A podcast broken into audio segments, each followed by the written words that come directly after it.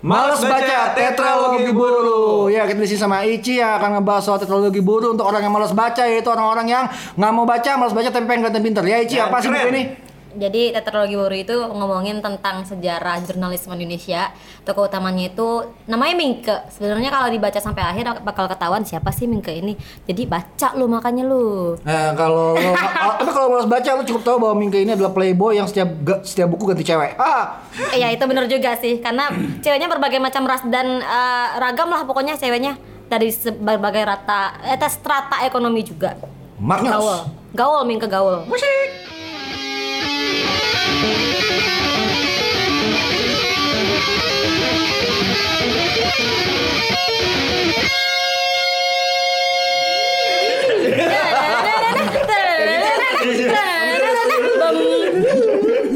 Minta ya, minta. Oke, dia. eh, kita sampai di podcast Males Baca episode berapa ini ya, Jak? Episode 8 Episode 8 ini adalah eh, podcast Males Baca kita yang akan membahas tentang eh, salah satu bapak sastra Indonesia yang berulang tahun bulan ini ya. 6 Februari kemarin. Pede pak Selamat ulang Happy tahun birthday, Bapak. Bapak dan di sini kita sudah ada Rojak produser kita, ada gue Nosa sebagai eh, the host monsternya. Baik. Iya dong, the host monster kan kayak siapa eh, siapa namanya eh, Bong Joon Ho kan, the Oh, host iya. monster gitu. Iya, ada- Oh iya, benar juga. Ada Ici di sini, Ci nama panjang apa sih Ci? Desi Amalia. Desi Nggak Amalia, nyambung.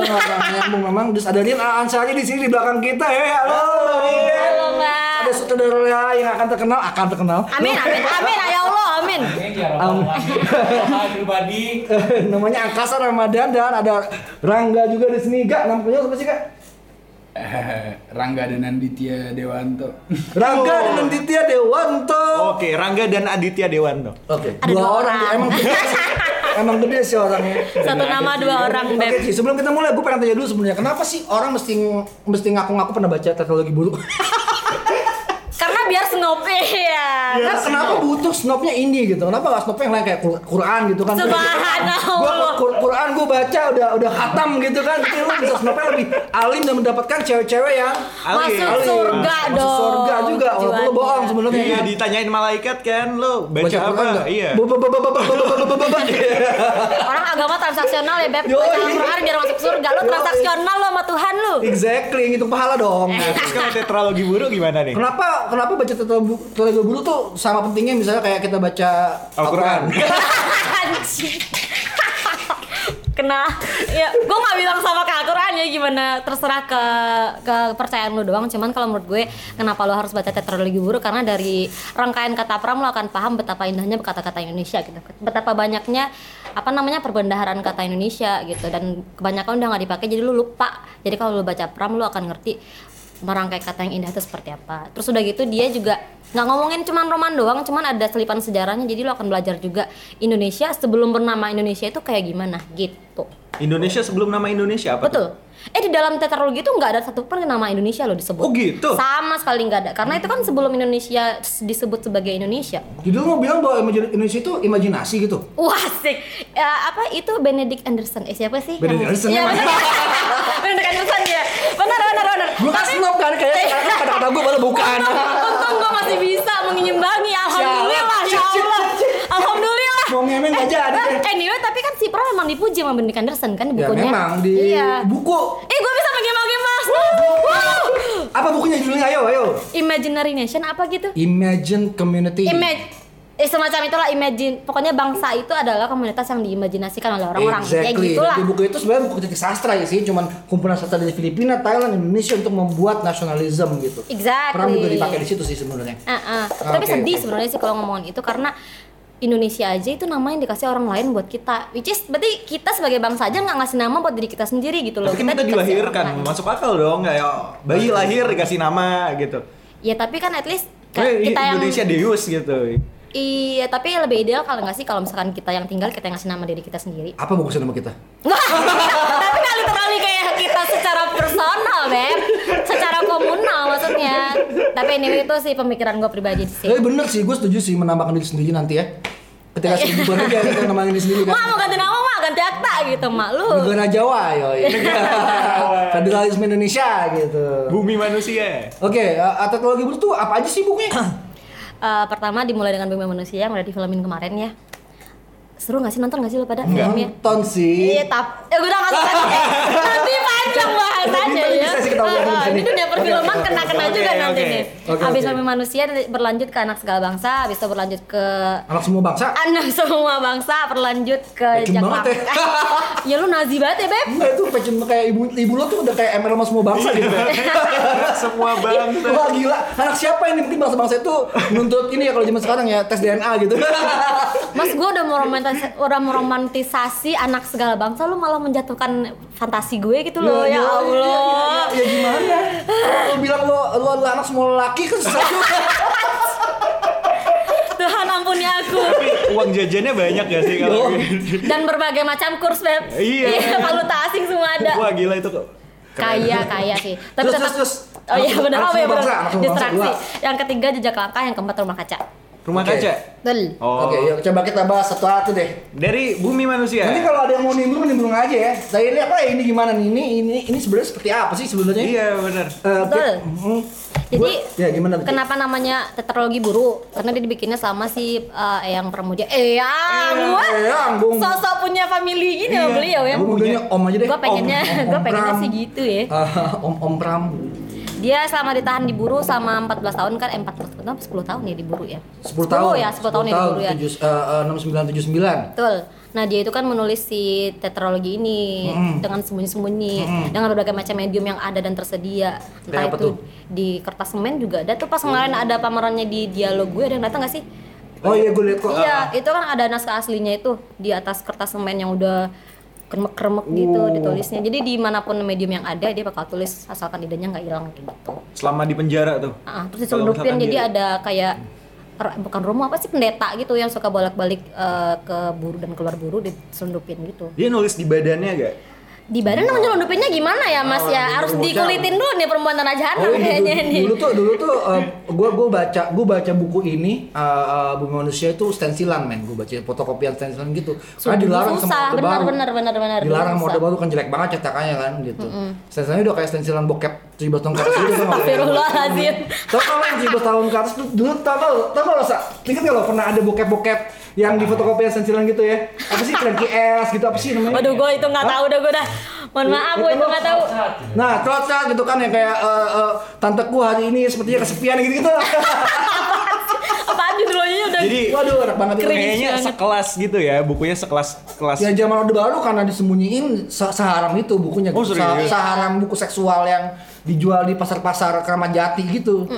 Gitu. Jadi buku tetralogi buru ini adalah buku yang diharamkan tapi somehow jadi terkenal gitu. setelah berakhirnya order baru ya. eh, tapi Ta- dulu juga. Baru juga terkenal lah semua yang Tapi- asik-asik dan diharamkan itu terkenal. Oh iya. Pokoknya yang dilarang mah kita ngelakuin biasanya. Oh. Adrenalin rush itu bikin seru. Kalau bikin film ya sakit. Langsung. film dilarang gitu ya, lu terkenal. bikin kontroversi dulu di awal Oh, ya kan. iya, dilarang dulu. Mm-mm. Eh, terus terus ceritanya soal apa sih? Kalian pertama nih? Tetralogi kan ada empat berarti. Ah, Tadi berarti yang sempat pertama disebutin Bumi Manusia. Eh boleh tambahin dikit dulu nggak? Boleh, boleh. boleh. Jadi kenapa dia dilarang kita boleh jelasin Oh, nggak? boleh, coba Iya. jelasin. Ah. Jadi konon kan si beliau kan dulu ngajarnya di universitas apa sih? Universitas Indonesia? apa yang bukan bukan Enggak, Beb. kita punya universitas gitu. Universitas Respublika lah intinya. Respublika, kan ya. dia juga kan eh, aktif di Lekra kan lembaga kebudayaan rakyat ya Mas ya. Ah. Itu konon eh, diasosiasikan dengan komunisme gitu. Padahal bukan karena itu kalau menurut beliau ya, kalau menurut Pram bukan karena itu, tapi karena memang hanya lembaga itu yang bisa mengakomodir kebutuhan pemikiran beliau gitu Oh, bukan gitu. ah, bukan karena komunisme dan segala macamnya cuman karena asosiasinya udah komunisme akhirnya Pram ditangkap lah begitu saja tanpa ada pembelaan pengadilan segala macam udah jadi buang ke buru Ya seperti banyak semua orang tahun 65 ya. Ya apa namanya dia tuh editor kan di salah satu Exactly. majalahnya. Majalah punya lekra. Jadi bukan bukan lek lekra per se, cuman majalah punya lekra gitu. Betul. Dan iya dan dia ditangkap seperti banyak. Misalnya kalau mau lihat Bakoksi barisan eh, ketoprak Indonesia seluruh Indonesia. bohong banget lu Demi Allah. Ketoprak. Mas, beneran. Barisan ketoprak seluruh Indonesia itu ditangkap semua zaman Kenapa mereka- ketoprak dekat dengan lekra. Hah?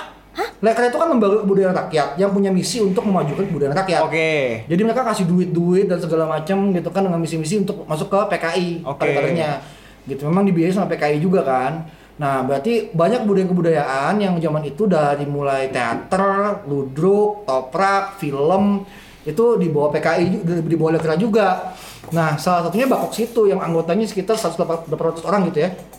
Itu ditangkap semua tuh dengan ketoprak seluruh Indonesia itu. Citoprak Gitu. cuy. Mereka, mereka jualan ketoprak. Ketoprak itu pementasan, Bro. Kayak ketoprak humor gitu jakal lo akbar lu katanya abang-abang jual ketoprak iya, baru dosanya apa be Zaman dulu ketoprak, eh, nah, ketoprak itu adalah bentuk pementasan di Jawa Tengah dan Jawa Timuran. Exactly. Jadi Jawa Timur namanya ludruk, Jawa Tengah namanya ketoprak gitu loh. Nah itu kayak pementasan kayak teater, cuman ya teater-teater rakyat gitu loh. Oke oke oke. Jadi Gitu. ketoprak itu pementasan. Pementasan. Sejenis. Sip, gitu. Dan Bagus Iya. juga pernah apa namanya ketoprak-ketoprak zaman dulu kan yang dibawa sama orang-orang lekra tuh cenderung membawa misi-misi modernitas kan dan progresif dan ateism gitu yang dibawa sama PKI. Jadi kayak ada satu ketoprak yang terkenal banget, atau gue lupa atau ketoprak apa teater gitu. Naskahnya judulnya Gusti Allah Ngunduh Mantu. Gus- Masih. Oh, kayak pernah denger deh. Iya, nah itu naskah yang sangat Gula, dilarang. Iya kan? Kalau Iya, iya, iya, itu. Iya, iya, iya. itu pementasan yang tentang bagaimana eh, Allah itu eh, ngunduh mantu gitu.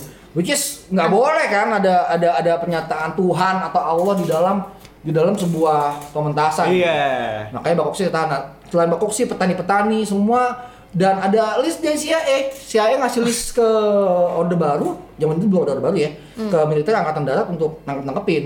Oh. Gitu. Jadi ada listnya tuh siapa yang mesti tangkepin gitu. Yang ini ya, yang apa? Yang dokumen yang dokumen jadi bukti-bukti. sekarang udah dibuka kok dokumennya udah udah Iya. ngaku sih ya bahwa mereka pernah ngasih list itu gitu ya Pram juga salah satu yang ada di list juga ditangkap kan dibuang ke pulau Buru itu Iya iya betul. Heeh. Dan gara-gara Lekra si Pram ini ketangkep. Mm-mm. ditangkap Diasosiasikan dengan lekra. Ketangkap lah Oh, gitu. diasosiasikan. Iya. diasosiasikan tahun 69 itu tapi Banyak Beda. banget ya bahkan lagu-lagu kayak genjer-genjer aja sampai sekarang pun masih Iya. haunted kan Ah, itu sama ah. komunisme. itu juga ganjil-ganjil jadi haunted bukan gara-gara lagunya atau nggak Iya. gara-gara filmnya itu Ya, gara-gara itu juga itu sih. Yang pakai lagu itu sebenarnya lagu itu iya, ya iya. zaman itu emang lagu pop aja Ya, lagu aja, bener. lagu pop aja kayak seandainya waktu itu dia pakai lagu pop lain mungkin lagu pop lain kena gitu Iya bener bener. kan kesian juga bikin selamatkan di situ kan Iya bener. Iya kan? Untung udah gak ketangkap juga ya. Eh ketangkap gak sih mas? Hah? Ketangkap gak sih? Selamat? udah ditangkap, Nggak orang masih bikin dukun palsu. Yang kok lo yang cek apa cek telet tet yang gitu tuh apa sih? Pokoknya dukun palsu di Semarang. udah beda beda usia. Beda usia. nonton itu, itu keren banget di YouTube kayak dukun palsu tuh goblok banget sih dibikin selamatkan. Seru banget itu. Gue harus nonton. Oke, oke. Jadi ini Oh, iya benar. ini dilarang karena kita sam adalah dilarang oleh uh, Orde itu karena Mas Pram ini diasosiasikan dengan Lekra. Hmm, Betul. Baru kayaknya baru rilis secara massal lagi 2000. Perang tua banget loh. Oh iya bener juga. Enggak, Anda pengen- tua. Iya, iya deh. Ya, dia baru kayak massal lagi tuh 2005. Dia pokok- pokoknya pas gua udah SMA gitu baru mulai Tahun di 2000-an baru ada omongan lagi soal dia, 2001 Iya. 2002 baru dia 2000-an baru lepas dari tataran rumah kayaknya. Mm-mm, 2002 kalau nggak salah ya Mas ya. 99 eh 99, 99 tataran rumah selesai. Dan dicetak massal itu pada 2005. tahun 2005. Baru 2005. di Ya lu edarin baca lagi. waktu tahun 2005. Enggak, gua tamat SMA baru baca. Kenapa lu mau baca itu? Nah, ini pertanyaan yang nggak ada hubungannya sama sekali dengan sejarah gue. Iya, Jadi benar.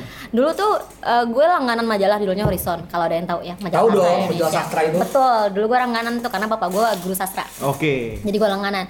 Terus salah satu eh, yang bikin gue suka sama sastra Indonesia itu dengan weirdly-nya adalah eh, surat kepercayaan gelanggang. Ada yang Hmm. ada yang tahu nggak? Itu kayak manifesto kebudayaan dari Cikairil Anwar, Asrul Sani sama siapa gitu bertiga. Mau Muhammad Iya, itu tuh bagus banget kalimatnya dan di situ disebutkan tuh abis eh, abis artikel itu ada tuh tentang Pramudia Nantatur. Gue langsung baca ke sana, langsung gue cari bukunya. Pertama gue tanya bapak gue dulu dong, Eh, kan beliau kan guru. Terus dia bilang "Eng, itu bukunya nggak boleh sama pemerintah, bapak nggak punya. Bapak takut gue punya buku itu. Gitu. Oh gitu. Iya, bapak gue nggak punya bukunya. Jadinya pas gue kuliah tuh, pas gue jauh dari rumah pertama kali, gue cari itu buku. Karena udah nggak ada bapak gue nih Iya, ya, iya, jadi gue punya kebebasan ah, ah. absolut gitu. Biasa Jadi gua- kuliah gak sih? Betul, baru-baru baru-baru jauh dari rumah ya kan nakal-nakal nanggung gitu gue cari bukunya gue baca sendiri. Pas kuliah baru telat sih kayaknya. Oh jadi lu baca buku itu karena ada karena buku itu dilarang sebenarnya. Jadi lu penasaran. Penasaran karena bapak gue aja nggak punya gitu kan kita tuh semakin larang semakin kita ngelakuin ya beb. Iya, Kayak iya, gitu iya. lah. kan. Iya kayak gitu jadi gue nyari sendiri deh. Nah, lu mulai eh, nyusun urutannya gak? Mulai dari bumi manusia Iya iya. dulu. Gue anaknya kronologis banget kan. Kronologis banget. Gue nggak bisa acak-acak itu nggak bisa gue. Jadi setelah lu merasa ada pembebasan nih, gue baca buku terlarang nih, men. Iya iya yang pertama gue gitu adrenalin rush gue. Gue pas baca anjing anjing gue hebat banget ya bisa baca buku terlarang gitu. Kayak wow gitu ada rasa-rasa bangga sama diri sendiri gitu. Gimana sih? Anak pinter banget sih anak pinter ya.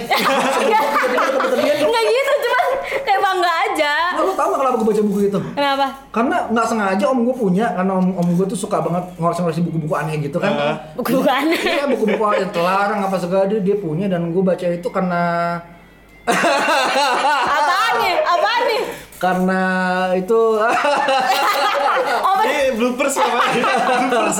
itu eh, Tetot, nggak, nggak, nggak, itu jadi gue gue gue belum pernah menemukan cara orang ngomongin cewek kayak Pram gitu jadi Iya, Bang. Apa? itu kayak Iya, Bang. zaman itu kan gue belum punya akses ke ke pornografi yang nggak ada Pornhub zaman dulu kan Iya. gitu terus ya, ya udah gitu dan pornografi gue ya kata-kata makanya Waduh. gue gue lumayan bercinta horny dengan gitu ya. kata-kata ya beb Yoi gila itu Pornografi itu bacol gue aduh Anjir. Pram pada titik Aduh, itu bacol beb anjir, pada titik bacol ya, ya nggak lo bayangin penjara itu emang dekat dengan dengan coli ya entah lo coli atau gay nggak tahu tapi Jadi sama aja. ada nggak sih penjara campur Ah, campur Iya kayak kos-kosan ya gila. Eh, itu bukan penjara deh, itu kan penjara. Oh iya iya iya iya. Ya karena kita ngomongin coli emang ada ya penjara campur. Jadi nggak usah coli gitu maksud gue. Iya. kayaknya nggak ada pengetahuan gue Kita Iya distraksi nggak sih pertanyaan kalau gue? penjara campur itu ini apa camp camp camp Konsentrasi gitu, campur tuh. Gestapo, Gestapo. Gestapo gitu campur Habis itu lo dibakar di ruang Iya. gas Harusnya mati ya. kan? Mati, gitu. Innalillahi wa inna ilaihi raji'un. idai. RIP. Anjing, ini black comedy banget. Iya. ini enggak ini dark jokes. Dark jokes, how dark can your jokes Jadi kita punya dua narasumber nih. Pertama baca karena bukunya dilarang. Kedua karena eh, Bacol. Karena bacol. Enggak, tadi sangat, sangat sangat emang gue nggak sebenarnya hidup gue tuh sangat sangat ini jak sangat apa sangat shallow gue sebenarnya gue nih sebenarnya gue shallow banget Informasi lu banyak sih lu dari mana lu? Iya itu kan karena kesel semua dimulai dengan keshallowan itu Yoi, stay shallow ya. stay shallow jadi gue stay humble juga Yo. anjing Kefarat. Oke, kita masuk ke Humble break banget ya, sok-sok turun-turun meroket Anda. Hah, tau nggak humble break bahasa Indonesianya apa? Apa tuh? Sombong santun cuy. Yo. Boleh ya. Sarapan. Jadi kalau mau Ayo. Jadi bumi manusia nih, kita mulai dari yang pertama, dari ini tetralogi. masuk masuk buku Iya, ini intronya panjang, intronya panjang banget. Gak apa-apa, Ini sengaja. penting-penting amat kalau baca bukunya kalau yang mau baca. Iya. Iya, iya, iya. Kayak Oke, oke. intinya lo bisa asik gitu kan. Kayak kita masuk ke bumi manusia. Kenapa? Oke. Judulnya bumi manusia. Waduh, kenapa langsung berat ya pertanyaannya? itu bukannya begitu ya kalau kita mempertanyakan bumi manusia dari ontologisnya dulu gak sih dari akarnya ya Ontologis tuh kalau pakai K jawab nggak? Di depan apa di belakang? Astagfirullahaladzim emang ya. iya tapi nggak nyambung gue dari tadi dengerin bumi Jadi manusia krontologis. kayak bumi manusia sebacol itu tapi dari Gua tergantung interpretasi pembaca aja lu Oh, gitu mah. ya. Kalau dibikin bacol ya bacol. Kalau anak pintar yang baca nggak bacol. anak goblok yang baca ya lo tau lah anak goblok kan instingtual aja. kata siapa? Kata siapa? jadi ada dua sudut nih sudut pertama kita mulai dari Ici gimana bumi manusia tuh Sebenarnya kalau di dalam di dalam bukunya sih dia ngomong itu kan fase di mana si kita nggak nyebutin nama dulu ya mas ya karena kan dia emang merahasiakan nama Iya nama tokohnya ya nama, nama terakhir ya. tokonya aja nama tokonya. langsung ya Si monyet, namanya monyet. Mingke ya Ya. Mingke itu konon monyet lah dia Oh. dikata-katain itu sama gurunya pernah karena dia kan susah bahasa Belanda pertama kali masuk sekolah Sama sementara sekolahnya hitam. sama- iya Ya Oh, dianggap terbelakang. dipanggil si monyet gitu dipang- se- secara evolusi panggil terbelakang ya.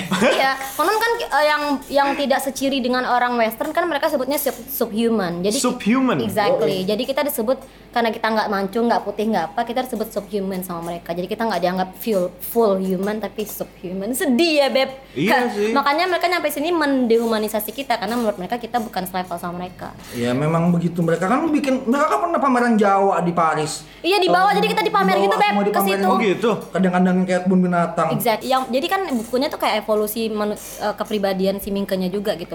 Di awal itu kan dia masih sekolah.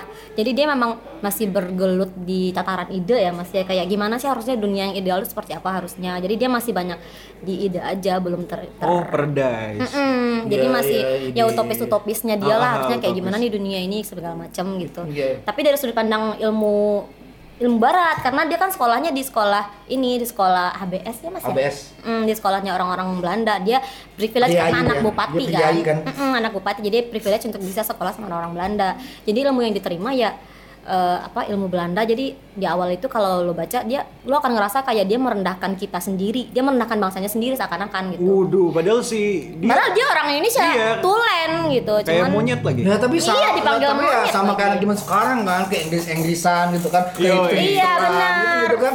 Ya sama setiap zaman kayak anak muda begitu.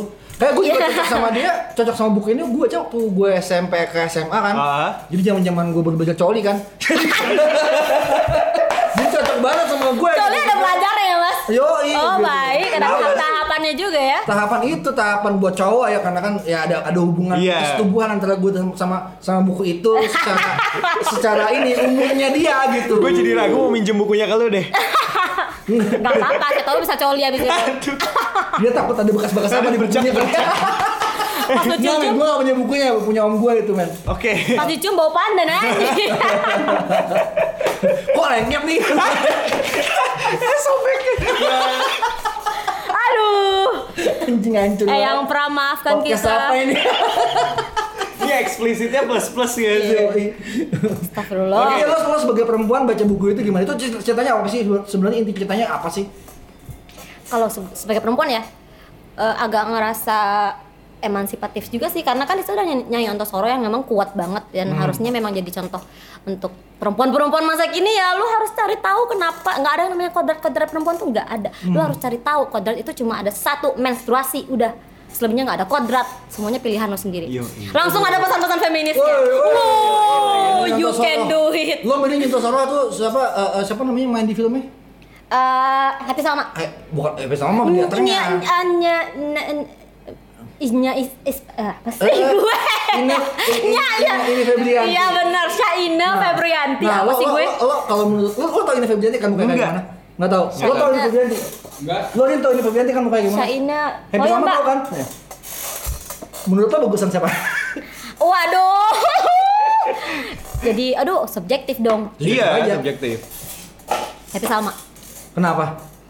Mungkin karena faktor dia didukung oleh orang-orang yang juga sekelas dengan beliau ya. Kalau kalau Ina Febrianti, mohon maaf nih, beliau melejit sendiri, orang-orang di sampingnya kan tidak se tidak bisa mengimbangi keindahan beliau main. gitu. Jadi beliau melejit sendiri. Waktu kalau di filmnya ini Febrianti tuh kayak, wah tinggi banget. Iya. Kayak ya. Jadi yang lain tuh nggak nyampe ke level Ini gara-gara, ini semua gara-gara siapa? Gak enak gue, gak enak, gak enak gue. Maksudnya Oh, iya, dia iya. usahanya mau kepala ke kaki ke, ke kepala dia mau jadi mingka juga secara look udah nggak masuk. Jadi kita udah nggak believable dari awal, susah. Iya, dia gitu. udah manusia banget sih kalau gue lihat. Ya dia juga terlalu restik untuk ukuran Gue rasa, mingke gitu. nggak tahu ya, subjektif aja ya. Buat gue, gue rasa kalau kita ngomongin sedikit soal filmnya, eh, itu film cukup sukses lah ya kalau kita mau memperkenalkan aja. Angka. Ah. Oh, iya. Itu aja tapi sebatas itu. Tapi kalau yang lain kayaknya Kayak podcast kita bisa sesukses filmnya gak sih kalau mau Amin ya Allah, amin ya Allah, amin ya Allah. Enggak Tapi thanks to this film loh, jadi eh, Pram jadi ini lagi naik lagi ke tataran anak muda. Iya, tataran pop culture yang tadinya anak-anak anak-anak indie doang tiba-tiba naik jadi pop culture lumayan lah ya. Orang-orang bertanya siapa sih Pram? Nah, seenggaknya ada keingintahuan lah gitu. Rokoknya apa sih Pram? Ya? Pop quiz apa rokoknya Pram? Ayo, ayo, ayo. jarum. Jarum. Yeay! Jarum kalau mau sponsor Iya, podcast kita boleh loh. Kita udah ngiklanin loh. Tolonglah. Jadi ceritanya gimana? Jadi ada cowok namanya Mingke, terus Iya, jadi dia kalau Ganteng. Iya, iya, si Iya, monyet. pokoknya intinya gitu. Jadi dia Ah. masih bergulat di tataran uh, ide dan ketemulah sama si Nyai Ontosoro ini. Nyai Ontosoro. Iya, jadi sebenarnya dia tuh gundik ya. Gundik dari Robert Melema. Gundik tuh apa gundik? Waduh, sok-sok nggak ngerti Anda Nggak, dia- ya. dia Anda punya padahal. bahasa Indonesia dia baca Heidegger soalnya. Ngepet baca Heidegger. Susah bacanya berat-berat banget sih. Eksistensialisme one on apa? Iya, Coba. teknologi. Gundik tuh apa Gundik sih? tuh uh, simpenan, cuy. Oh, simpenan. Iya, perempuan simpenan. Oh, jadi kita bisa Kalau orang Belanda kan ke sini tuh kesepian ya, jadi guling Ah. doang tuh tidak bisa menghilangkan kesepiannya. Akhirnya Jadi, diangkatlah. gundik. Iya, diangkatlah perempuan lokal Nyai, nyai. dijadikan nyai. Jadi Oh. nyai itu sebutan kehormatan untuk gundik.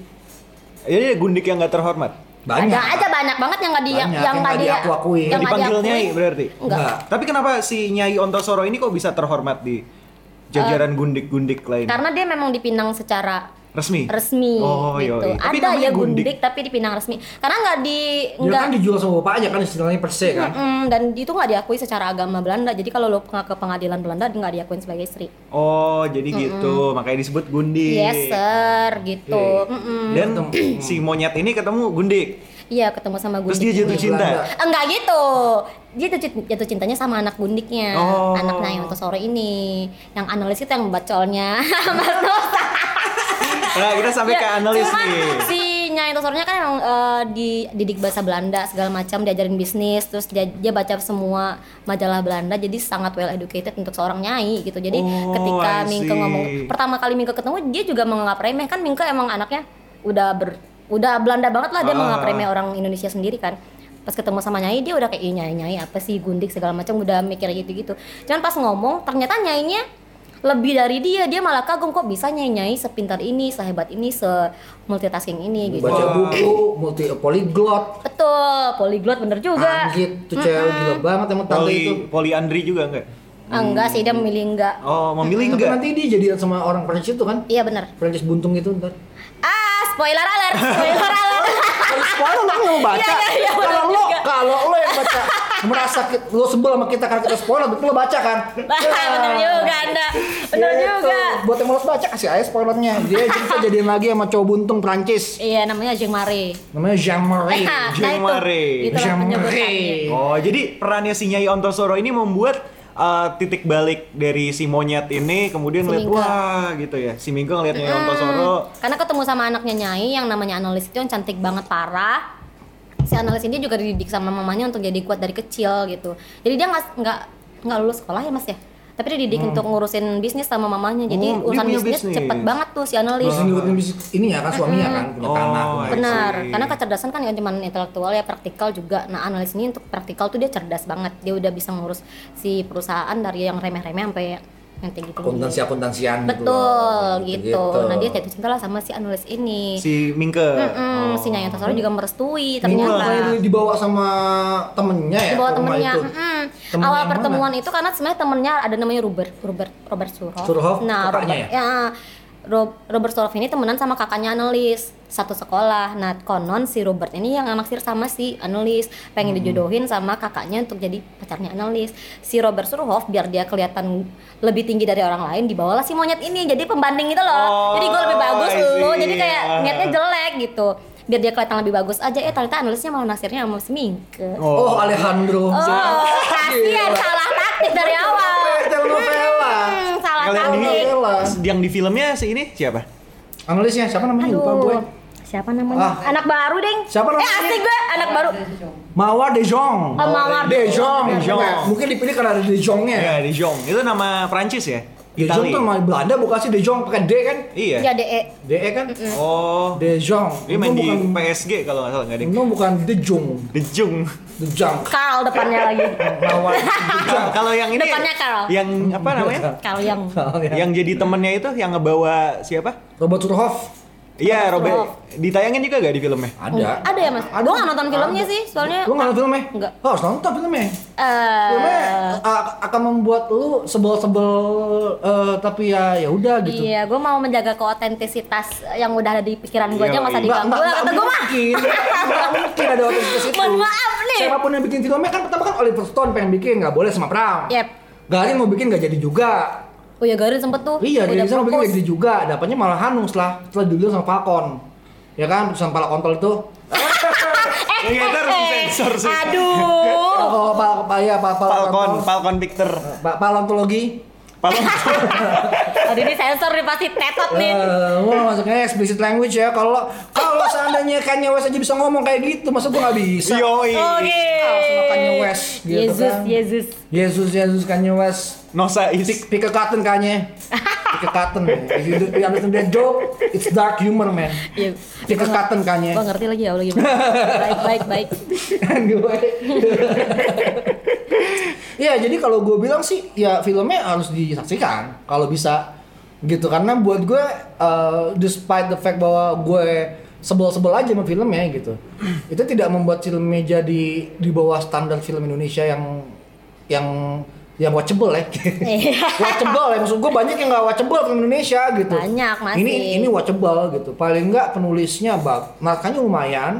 Aktornya nggak gitu deliver juga karena banyak hal sih gitu. Artnya juga itu kan banyak hal. Cuman di lain- di luar itu buat gue filmnya harus disaksikan sih minimal untuk lihat bahwa bagaimana perang dimaknai hari ini gitu. Yoi, pemaknaan pram di masa remaja-remaja ini ya masa. Iya, eh, dan kita juga tahu kan sebenarnya Hanung kan kayak bener-bener maniak banget sama perang kan dia pernah ketemu juga, dia pernah dia pernah pakai bumi manusia di, di film dia yang perempuan berkalung sorban. Oh Se- iya? iya, di buku itu dipakai sebagai referensi feminisme di Wow. perempuan. Wow, wow. Yang mana buat gue salah sih harusnya.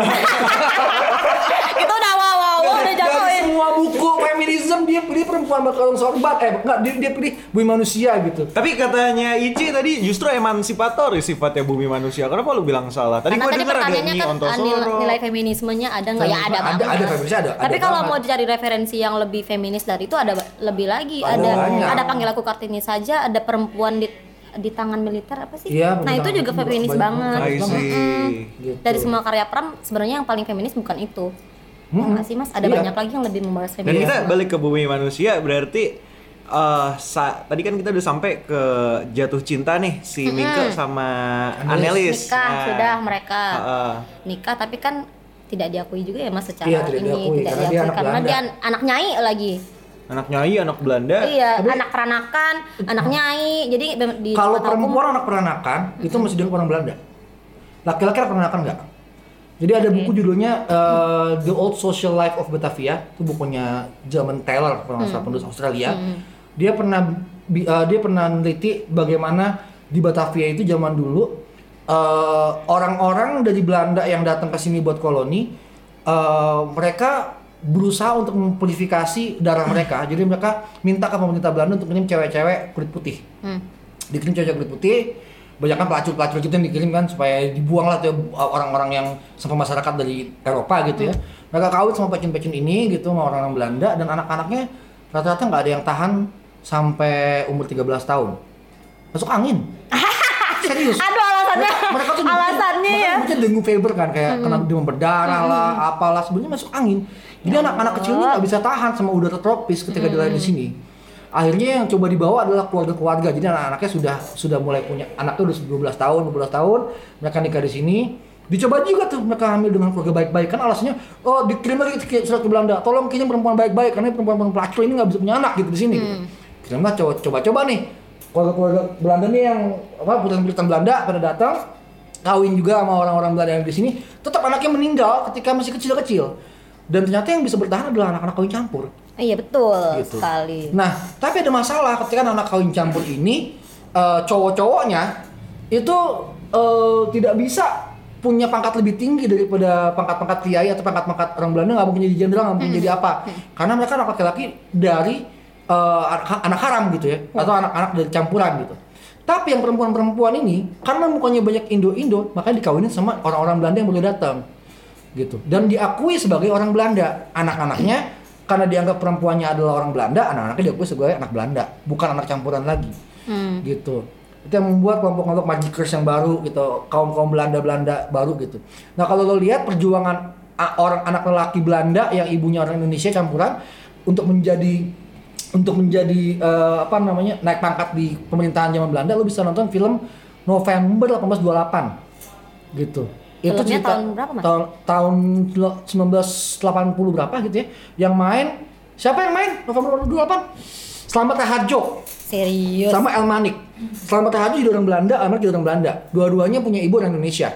Tapi El Selamat Harjo pura-pura ibunya orang Belanda supaya dia bisa naik pangkat Hmm. Naik terus. pangkat, oke. Tapi di ending ternyata dia nggak dapat naik pangkat dan dia ketahuan ibunya bukan orang Belanda, orang Jawa. Hmm. Dan di situ Selamat Harjo jadi antagonis yang jahat setengah mati. Dari awal film sampai habis kita tahu dia anak orang Belanda asli, dia jahat banget. Tapi di ending kita baru kasih tahu bahwa ternyata si jahat ini Anak orang orang Indonesia Jawa, gitu, anak orang orang Jawa. Gitu, berajar banget film itu. Dan itu kayak sindiran kepada Orde Baru bahwa ujung-ujungnya penjajah utama kita adalah bangsa sendiri. Gitu. sendiri aigu. Keren banget tuh film. Jadi perjuangan si Mingke ini dia nikah terus akhirnya pernikahan haram karena si Mingke nggak diakui orang Belanda. Betul betul. Karena lebih ke itu sem- semua masalahnya start ketika Robert Malema meninggal nggak sih mas? Iya. Pas, pas Robert Mane- eh, si bapaknya analis ini meninggal, kan mulai tuh ribut-ribut ini Hah? warisan ke siapa segala macam perusahaan segede gaban gitu ke siapa nih pewarisnya gitu kan? Dan ujuk-ujuk apa sih ujuk-ujuk teh Allah Tiba-tiba, tiba-tiba. keluar ya? Tiba-tiba. Tiba- tiba-tiba aja anaknya Robert Melema yang asli yang di Belanda itu pulang ke Indonesia begitu aja namanya Maurits Melema kalau nggak salah. Dia tiba-tiba datang ke Indonesia meminta jatah dia. Padahal perusahaan itu yang mengelola adalah Nyai Antosoro nggak ada sama sekali pa- pihaknya si Robert ini. Karena Robert ini kerjanya ke rumah bordil mulu cuy. Jadi dia tuh meninggal juga STD kalau nggak salah mas Iya, tapi dia kan stres ya. Tapi gue lupa deh stresnya kenapa ya? Karena dia pernah jadi baik kan? karena dia kena STD sama cewek Jepang ingat nggak Enggak, dia tuh mulai nakal-nakal gitu. Lu inget gak kenapa? Ada masa-masa yang dia dia baik banget sama istrinya terus tiba-tiba jadi nakal-nakal gitu. Kalau nggak gara-gara dia dijebak baba acong kejebak Cina itu nggak sih Baba Acong atau utang atau atau atau bisnisnya kenapa atau atau orang ah kalau nggak salah dapat surat dari Belanda. ada pertanyaan nih dari yang belum baca. Ah iya iya iya. Ini em, story space-nya nih em, sebelum proklamasi atau Jauh. jauh Oh, sebelum jauh. sebelum ada Jauh. nama Indonesia bahkan Oh iya iya. Ah, Udah ah. lanjut. Iya. Lalu inti, intinya sih apa namanya Robert Melema ini kalau, eh, dia per- pernah jadi Belanda yang Baik, baik ya, karena dia berus- berhasil membuat si Nyatusara jatuh cinta sama dia kan sangat pelan eh, apa lembut-lembut dan lain sebagainya cuman at one point of his life gitu kalau nggak salah dapat surat dari anaknya di Belanda apa surat apa gitu yang membuat dia jadi stres sendiri. Dan ini kan di ending kan jadi membawa analis jadi eh, diambil sama ini kan? Dibawa ke Belanda. dibawa ke Belanda Ya berpisah dong akhirnya mikir Nah, benar makanya. Itu yang sedihnya karena mereka udah jatuh cinta udah wah berbunga-bunga tiba-tiba Robert Melemanya meninggal terus anak Robert Melema yang yang berhak atas Hah? harta pergi ke Indonesia namanya Maurits Melema kalau nggak salah dia meminta jatah hartanya ke Nyai Ontosoro di mana kalau misalkan berdasarkan hukum Belanda dia yang dapatnya kayak 90 persenan lebih itu Iya. ke dia semua kan nggak adil ya padahal si Masuk anak Robert perempuan benar anak perempuan jadi harta gitu hitungannya. Eh, jadi ya milik hak wa- jadi dia dia di hak walinya hak walinya hak walinya ke keluarga bapaknya Iya Oh. benar, karena kan dia diaku sebagai orang sana kan. dan dia nggak diakui sebagai orang yang sudah menikah Betul, pernikahan Karena dia sama- pernikahannya kan haram. Pernikahannya haram Iya. itu Mingke juga beda agama sama analis kan. Oh gitu, udah cinta beda kan- agama, beda bangsa, beda. Betul wah, sekali, makanya jadi ya waktu dibawa itu sebenarnya Antosoro, nah, Nyai Ontosoro tuh nggak mau ngasih perusahaan juga karena dia yang Oh. membesarkan perusahaan itu Robert Melema tuh karena udah terlanjur stres dan segala macam nggak ngurusin perusahaan, jadi membesarkan itu sebenarnya Nyai Ontosoro. Dia nggak mau dong kerja keras dia tiba-tiba diambil begitu aja Ah. sama orang yang tak siapa tiba-tiba datang gitu kan. Akhirnya dibawa ke pengadilan tuh segala macam. Ya namanya pribumi lawan Belanda pasti kalah Iya, ya. kayak percuma juga iya, kita udah gitu ya. kita belum punya payung hukum apa-apa, kita masih dijajah, apa yang bisa Ah. melindungi kita kan. Pada akhirnya awalnya tuh udah mau nyerah tuh si Mingke, cuman kata si nyainya, nyainya kan emang kuat ya, kita Ah. tetap berjuang bagaimanapun caranya gitu.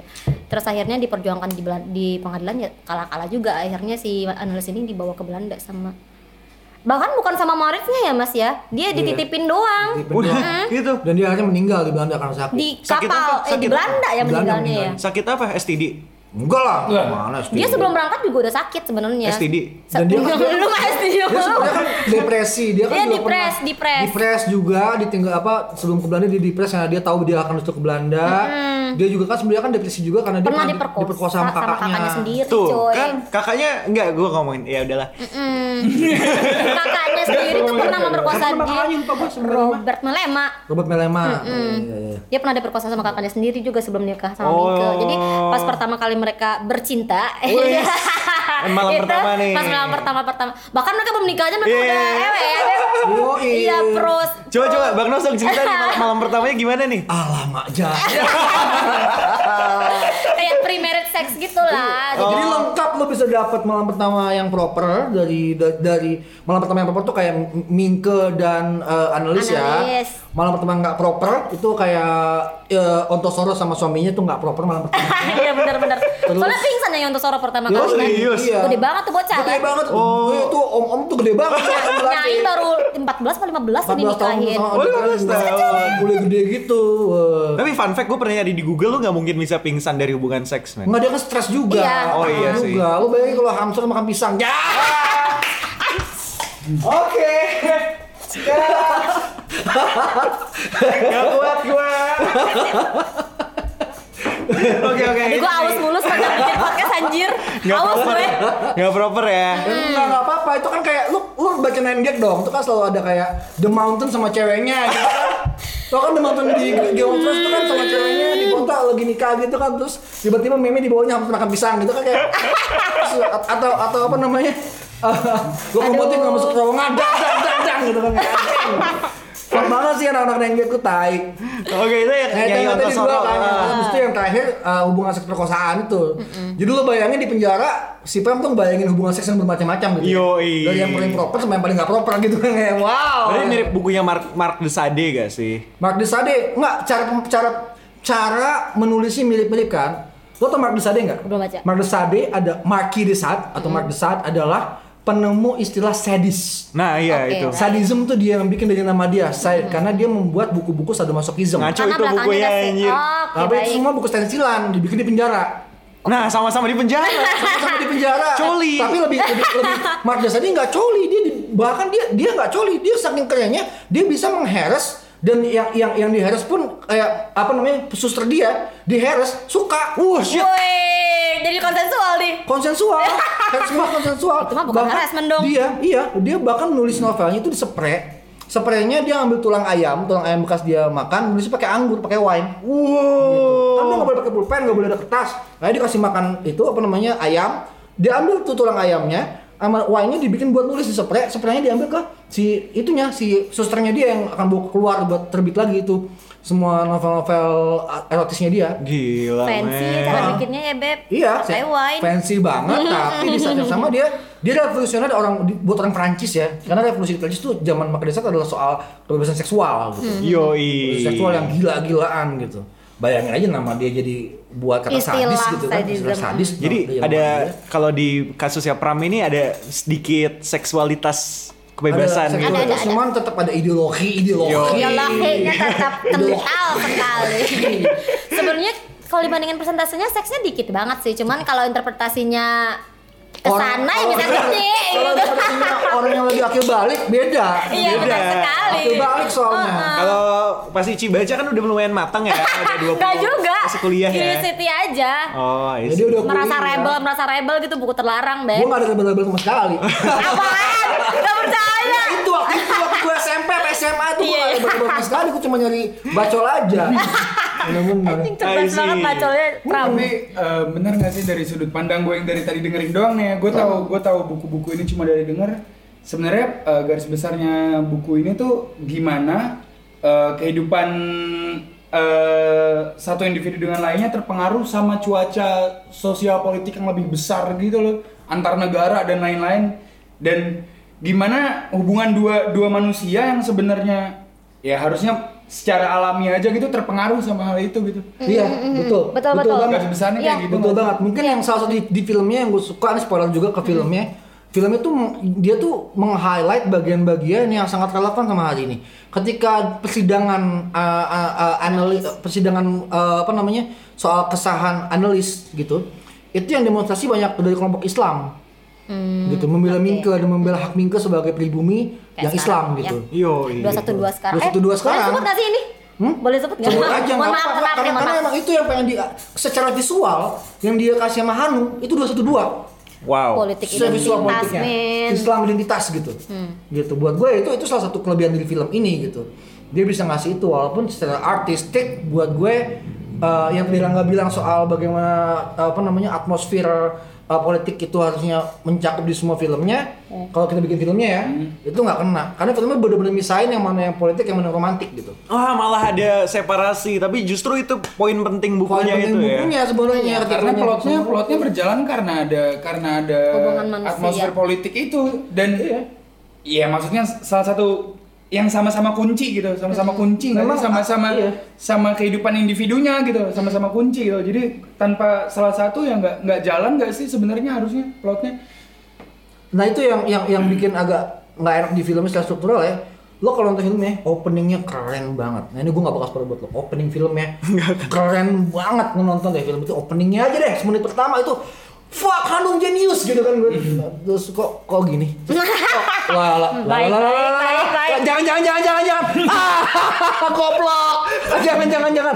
Oh ya udah eh eh eh, eh bagus bagus bagus bagus. Oke oke oke oke. Wah, itu bagian si siapa namanya si si apa namanya si yang yang tukang namanya siapa namanya yang namanya tuh? Darsam, Darsam. Darsam keren banget Darsam actingnya bagus banget. Wah, keren banget keren banget Habis itu Oh, jangan, jangan, jangan, jangan. Aduh, aduh, goblok, goblok, Downhill.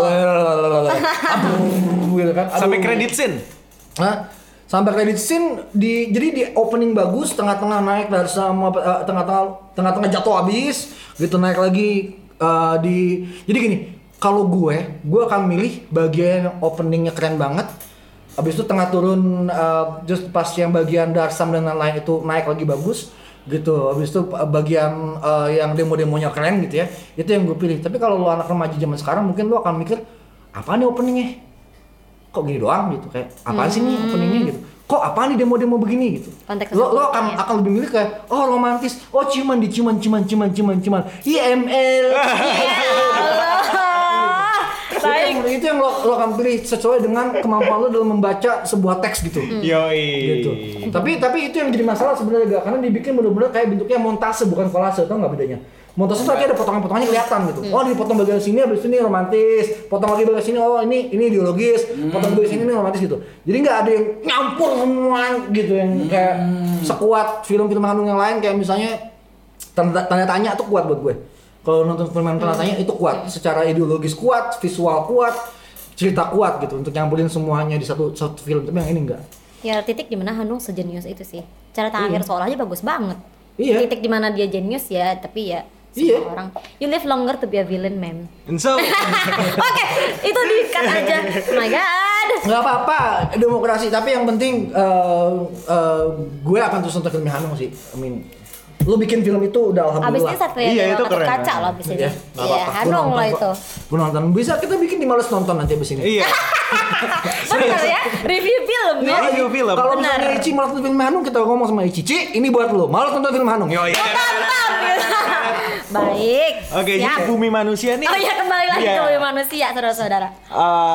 Yang bisa gua conclusion sampai sekarang dia punya banyak aspek yang Rangga bilang tadi. Kalau ada unsur seksualitas ada unsur eh, apa eh, politik ekonomi global dan semuanya itu saling campur aduk yang mana bikin pembaca bisa ngikut aja ah gue lebih seneng ke romantisnya. Tapi kayak kurang berat deh gue mau yang lebih berat lagi. Ya kira buku ini punya multi level apa level yang banyak. Iya bener bener bener. multi level iya. interpretasi ya iya. Interpretasi interpretasi di banyak gitu dan kalau misalkan kita simpulin nih tentang bumi manusia Hmm. dari lu apa sih Dari gue apa ya? Bahwa sebenarnya apa pun yang terjadi secara luas itu berpengaruh ke kehidupan ke kehidupan kecil lo. Tapi karena di bumi manusia kan baratnya ini kan buku yang ngikutin perkembangan inte- intelektualitasnya si Mingke. Dia baru sekolah di HBS, jadi dia belum bisa ngelihat di cakupan global politik ekonomi yang mempengaruhi. Yang dia lihat baru kehidupan dianya yang terserah nulis masih di tahapan kehidupan antar sesama manusia. Tapi ketika lu nanti naik ke anak segala semua bangsa, itu udah masuk ke tataran yang ini. Oh, yang jadi bertahap gitu sesuai dengan perkembangan kecerdasannya Mingke. Oh. Gitu.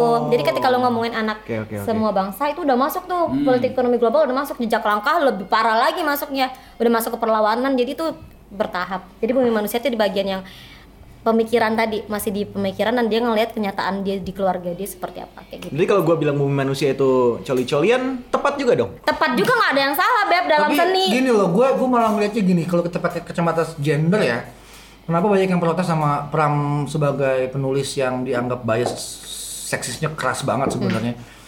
Eh, sebenarnya formula yang dipakai di Bumi Manusia itu kan buat kasih motivasi tokoh utama untuk maju terus dan dan dan membuat perlawanan-perlawanan gitu. Dan ini eh, struktur yang dipakai sebenarnya persis sama dengan struktur klasik eh, the perfect woman is the dead woman gitu. Bahwa iya iya di psikoanalisis itu gitu. Ada psikoanalisis Freudian tuh the perfect woman is the dead woman. Jadi yang dia tidak dapat analis itu the dead woman itu the perfect womannya dia dia tuh membuat motivasi-motivasi karakter untuk terus jalan. Nah ini bukan suatu hal yang yang yang selesai apa suatu hal yang zaman dulu. Zaman sekarang pun masih dipakai. Eh, ada istilah feminis dalam membahas komik atau film-film itu tentang eh, the women in the refrigerator. Gitu bahwa uh, uh, motivasi-motivasi hero-hero laki-laki biasanya ketika perempuannya mati. Baik itu ngomongin Deadpool ceweknya mati taruh kulkas ya kan? Kita ngomongin apa namanya Punisher. Ceweknya mati ceweknya mati lagi hamil di di bunuh musuhnya gitu. Cewek mati! Cewek mati ini sebagai sesuatu yang yang sangat yang, yang dimutilasi lagi. Jadi nggak cuma mati ya mati dimutilasi gitu. Mati dengan sangat menderita. Anda itu kan menderita apa? Dia perkosa kakaknya Ya kan? Depresi, sakit-sakitan, dibawa paksa ke Belanda. Perempuannya harus sakit banget Untuk gitu. memotivasi. Untuk ya. memotivasi laki-laki ini biar maju gitu. Sebenarnya ini bukan salah paham juga, ini adalah tren struktur sastra. struktur klasik ya. Struktur klasik yang dipakai sampai hari ini ketika kita ngomongin apa namanya pahlawan-pahlawan zaman sekarang gitu yang dimutilasi di, sesakit itu perempuan-perempuannya mati gitu. Dan buat gue ini adalah uh, uh, anak zamannya ya sebenarnya gitu bahwa uh, Pram di situ pakai struktur ini untuk membuat memastikan bahwa novelnya nggak berhenti Betul. gitu. Novelnya dia akan tulis terus karena ini ngasih motivasi kuat untuk seorang laki-laki, tokoh laki-lakinya untuk terus menjadi orang yang melawan gitu. Yoi. Dan di sini kan- model-model apa Yoi. Kapten Amerika segala macam itu ya. Yo, melawan kan ceweknya mati-mati Iya. semua dan soal- Spider-Man. Soal, melawan kan perang nomor satu ya, soal melawan ya ngelawan Orde lama, Soekarno ngelawan Orde baru, dia ngelawan Soeharto juga masuk penjara, udah reformasi masih ngelawan Gunawan Muhammad. iya, iya, iya Ada suratnya. Iya, iya, iya, iya, iya. ngomong soal Gunawan Muhammad. Dia kan balas, dia bilang bahwa saya tidak terima orang minta maaf nggak ada gunanya buat saya karena semua sudah lewat, buku saya sudah dibakar gitu. Gus Dur minta maaf juga nggak ada gunanya buat dia. Dia ngomong kan ada suratnya gitu ngomong ke GM juga soal itu. Apalagi soal manifesto kebudayaan dan Sebenarnya lain-lain. kayak buntut-buntutnya manifesto kebudayaan juga nggak sih? Ya iya, Ya, betul-betul manifesto masih. kebudayaan kan, gitu. Yang nggak tahu manifesto kebudayaan di Google boleh loh. Terus, eh, do. iya, karena kita nggak sempet kayak ini. Kalau kita mau ngomongin manifesto kebudayaan itu kita nanti akan bikin malas baca manifesto kebudayaan. Ya. Nah, dan dan sebenarnya yang gue agak-agak sesalkan adalah em, em, kenapa film kemarin hanya segitu aja gitu, padahal bisa lebih gede lagi. Gue rasa perang harus mulai menggunakan eh, hak prerogatifnya ya sebagai perla- sebagai orang yang suka melawan ya kepada Tuhan gitu. Karena kan dia kan dia ngelawan dia ngelawan Orla, dia ngelawan Orba gitu ya. Dia ngelawan reformasi gitu. Eh, dia ngelawan orang-orang yang yang kanan-kanan zaman dia masih hidup sebelum dia meninggal gitu. Berarti kemungkinan di akhirat dia juga akan mempetisi Tuhan dong. Waduh. Jangan bikin gue bangkit dari kubur dengan bikin film-film jelek gitu. Bener juga. Oke, dari lu ada tambahan gak, Ci? Bumi manusia kayaknya udah sih. Udah cukup Iya, ya. Ini kepanjangan boy untuk satu manusia doang sebenarnya. Iya, oh, tapi tetralogi buruk. Baru satu iya satu buku. Kita sambung nanti minggu depan gimana? Iya, boleh. Buat yang kedua. Tetralogi buru berarti yang kedua anak semua Bangsat. bangsa. Hey, hey, hey, hey, hey. Oke, sampai jumpa minggu depan kawan-kawan. Bye bye. I love you. Dadah. Yeah, stay stay fake smart ya, bye. Stay fake smart. Fake.